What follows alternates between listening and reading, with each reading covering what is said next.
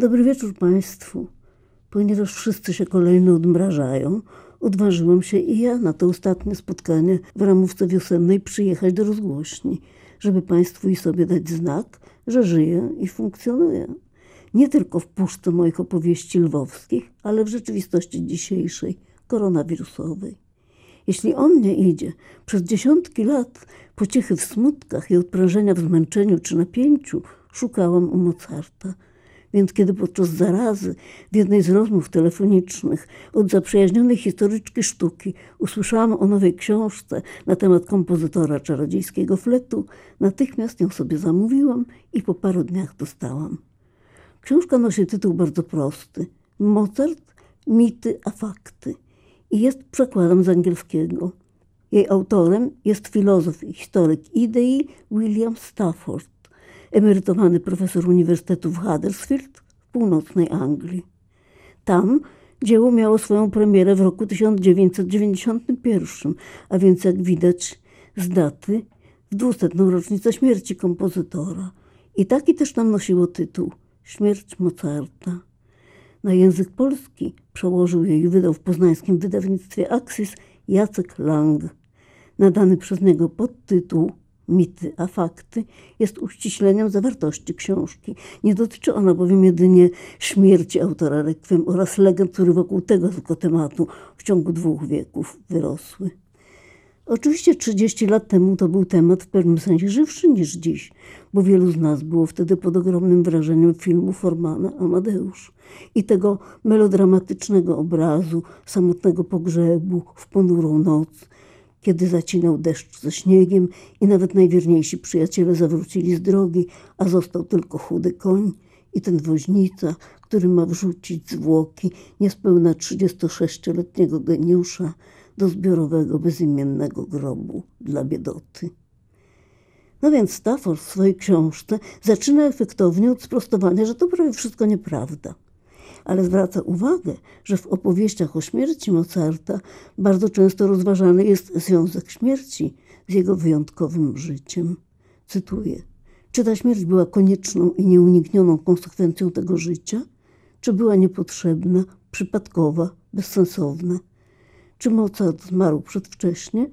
Czy sam doprowadził do własnej śmierci, czy jakoś spowodowali ją inni?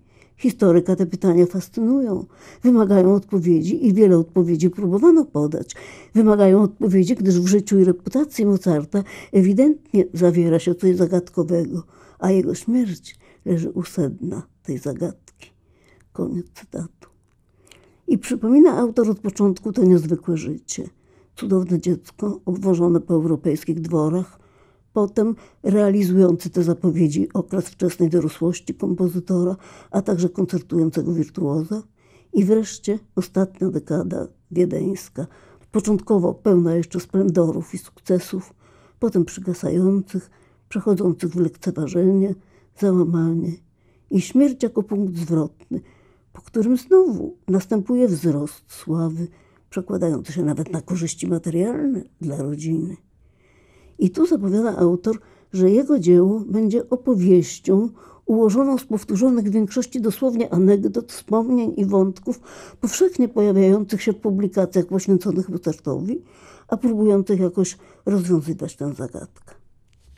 Na tę ogromną, niezwykle bogatą narrację składa się kilka rozdziałów zawierających najważniejsze typy tych opowieści. Powtarzam je za autorem. Tajemnica morderstwa, to znaczy czy Mozarta zabito, opowieść o bestii Aniele w jednej osobie oraz powiązana z nią opowieść antyfeministyczna, czyli rola Ewy w upadku Mozarta. Dalej teoria ekscentrycznego geniusza, opowieść socjologiczna, to znaczy czy Mozart był buntownikiem przeciw układowi społecznemu, wersja zapewniająca pociechę, czyli teodycea, oraz narracja egzystencjalistyczna, to znaczy z grubsza rozważanie, czy kompozytor kształtował swój los prężnie, rozważnie i pomyślnie, czy też padał ofiarą niesprzyjających okoliczności. Przed szczegółowym badaniem tych opowieści autor przedstawia przegląd najważniejszych źródeł, z których pochodziły, w kolejności odpowiadającej chronologii ich publikacji, począwszy od chwili śmierci głównego bohatera. Oczywiście pierwszym świadkiem jego życia i śmierci jest wdowa, owa kontrowersyjna Konstance do domu Weber, o której notabene też by można, jak myślę, złożyć nieco podobną książeczkę, to znaczy o tym, jak ją widzą poszczególni autorzy piszący o jej genialnym mężu. Ale ona wydała obszerną biografię kompozytora dopiero 30 lat po jego śmierci, a publikacja ta była w dużej mierze dziełem jej drugiego męża, duńskiego dyplomaty Georga Nikolausa Nissena. Natomiast pierwszy biogram Mozarta ukazał się w dwa lata po jego odejściu w zbiorze biogramów publikowanych przez nauczyciela i znanego w Europie uczonego Friedricha Schlichtegrola zatytułowanym Nekrolog. Materiał uzyskał autor od siostry Wolfganga Amadeusza, Marii Anny, zwanej Nanel, tej, która też jako cudowne dziecko była wożona z bratem po Europie, oraz od wskazanego przez nią dawnego przyjaciela rodziny Johanna Schachtnera. Na nekrologu oparł się prażanin Franciszek Ksawer Niemeczek, który nie znał wprawdzie Mozarta, ale chodził prawdopodobnie na jego koncerty w Pradze, a poza tym przez parę lat mieszkał u niego po śmierci ojca mały Karl Mozart, starszy syn kompozytora, przez którego prażanin poznał potem pozostałą rodzinę. Jego książka wyszła w roku 1798, a więc 7 lat po śmierci kompozytora. Od tego samego roku przez prawie trzy lata ukazują się na łamach lipskiej Allgemeine Musikalische Zeitung anegdoty, które publikuje Friedrich Rechlitz. I wreszcie w roku 1856, czyli w stulecie urodzin Mozarta, wychodzi pierwsza naukowa biografia, której autorem jest Otto Jan. I tak dalej, i tak dalej. Ponieważ najcenniejszym materiałem dla biografa jest korespondencja, już w biografii napisanej przez Nissena pojawiają się spore partie listów rodzinnych, niestety przebranych, ocenzurowanych. I znowu Stafford przygląda się kolejnym ich edycjom aż do roku 1975. Ale dość. Nie sposób przecież referować tu wszystkiego i byłoby to zresztą pozbawione sensu. William Stafford pokazuje w sposób odkrywczy i bardzo interesujący, jak powstają wizerunki i legendy od początku, od pierwszej zmianki czy pierwszej plotki i jak pęcznieją, jak nawzajem od siebie czerpią, jak się modyfikują, jak kształtują i zniekształcają obraz, jak są zależne od tych przekazicieli, od epoki. Przy czym nie jest to rozprawa naukowa, tylko opowieść. A mimo to wybrana bibliografia, no bo jak bez bibliografii, liczy sobie 7,5 strony, co w rozbiciu na poszczególne gatunki tekstów daje. W dziale dokumentów pozycji 5, książek 90, artykułów 36, prac ogólnych 20. Kiedy jednak czytelnik zagłębia się w te analizy i interpretacje poszczególnych opowieści, kręci mu się w głowie od, od tych wszystkich gęstych fabuł, zakrętów, sprzeczności, zawiłości wieloznaczności i sam dochodzi do wniosku, że muzyka Mozarta i jego życie to zupełnie różne światy. Książka Stafforda, choć świetnie napisana, nie zawsze dla miłośników Mozarta jest lekturą przyjemną. Na przykład rozdział pod tytułem Bestia i Anioł rozpoczyna się tak. W tej opowieści przyjmuje się, że w Mozarcie współistnieli Caliban i Prospero – Autor podkreśla, że XIX-wieczne, romantyczne portrety autora Requiem były nieznośnie przesłodzone i wskazuje na przeciwwagę, jaką stała się wobec nich ważna, wydana w roku 1913 biografia autorstwa Artura Szuriga, stwierdzająca podwójną osobowość kompozytora, przedstawiająca obraz mężczyzny nieustannie walczącego z obecnymi w nim sprzecznościami. Przywołuje też cytat ze słynnej, a wydanej w roku 1945 monografii Alfreda Einsteina, który według niego poszedł ślady Szuriga. Cytuję: Istnieje osobliwy rodzaj ludzi, w których rozgrywa się wieczna walka o przywództwo między ciałem i duszą, między pierwiastkiem zwierzęcym a boskim. Te przeciwieństwa, uderzające u wszystkich wielkich, w nikim może nie występują tak dobitnie jak w Wolfgangu Amadeuszu Mozarcie. I dalej pisze Stafford. Książki Szuriga i Einsteina zasługują na uwagę, gdyż ten motyw opracowano w nich bardzo szczegółowo, ale należy dodać, że historia tego wątku zaczyna się już w pierwszym nekrologu.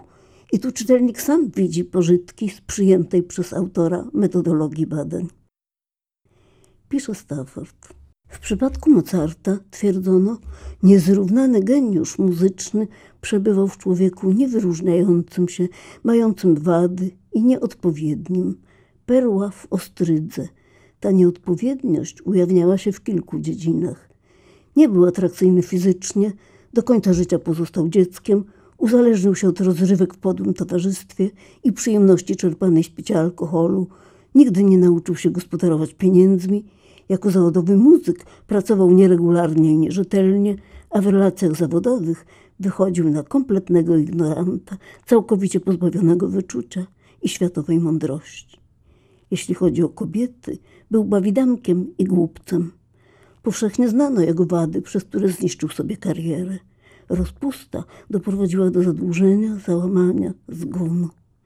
Niepohamowanie gonił za przyjemnościami. Zachwycało go wszystko, przez to zmieniała się scena. Im bardziej ekstrawaganckie, tym lepiej. To było zapaleniem świecy z obu stron. Nie potrzeba ani trucizny, ani tajemniczego posłańca, ani miałkiego proszku w liście, ani rekwiem. Jego siły się wyczerpały. Organizm był wyniszczony. Koniec cytatu. Przykro się to czyta. Przykro w sensie treści, bo jako tekst jest żywy i pełen temperamentu. Równie żywo, śmiało i z temperamentem przetłumaczony. Z wyczuciem frazy i odwagą często sięgania po język potoczny. W ogóle przekład Jacka Langa to duży atut tej książki. Jest to, jak przypuszczam, przekład kongenialny. Wkładem tłumacza są również niektóre przypisy uzupełniające informacje o dodatkowe szczegóły, imponujące erudycją. Współbrzmieniem przytoczonego przed chwilą tekstu wydaje mi się także okładka książki. Z pozoru niezwykle skromna i oszczędna. Jej głównym akcentem po prawej stronie jest jakby wycięty z czarnego papieru męski profil w XVIII-wiecznej peruce z koronkowym żabotem. Mógłby to być cieniowy portret Mozarta. Natomiast lewa strona to na białym tle czarnymi literami wypisany tytuł Mozart, mity a fakty. Po przekątnej, latę czarnego fraka, białymi literami nazwisko autora William Stafford. W żadnym miejscu nie ma wzmianki, kto projektował okładkę, ale dowiedziałem się, że również Jacek Lang.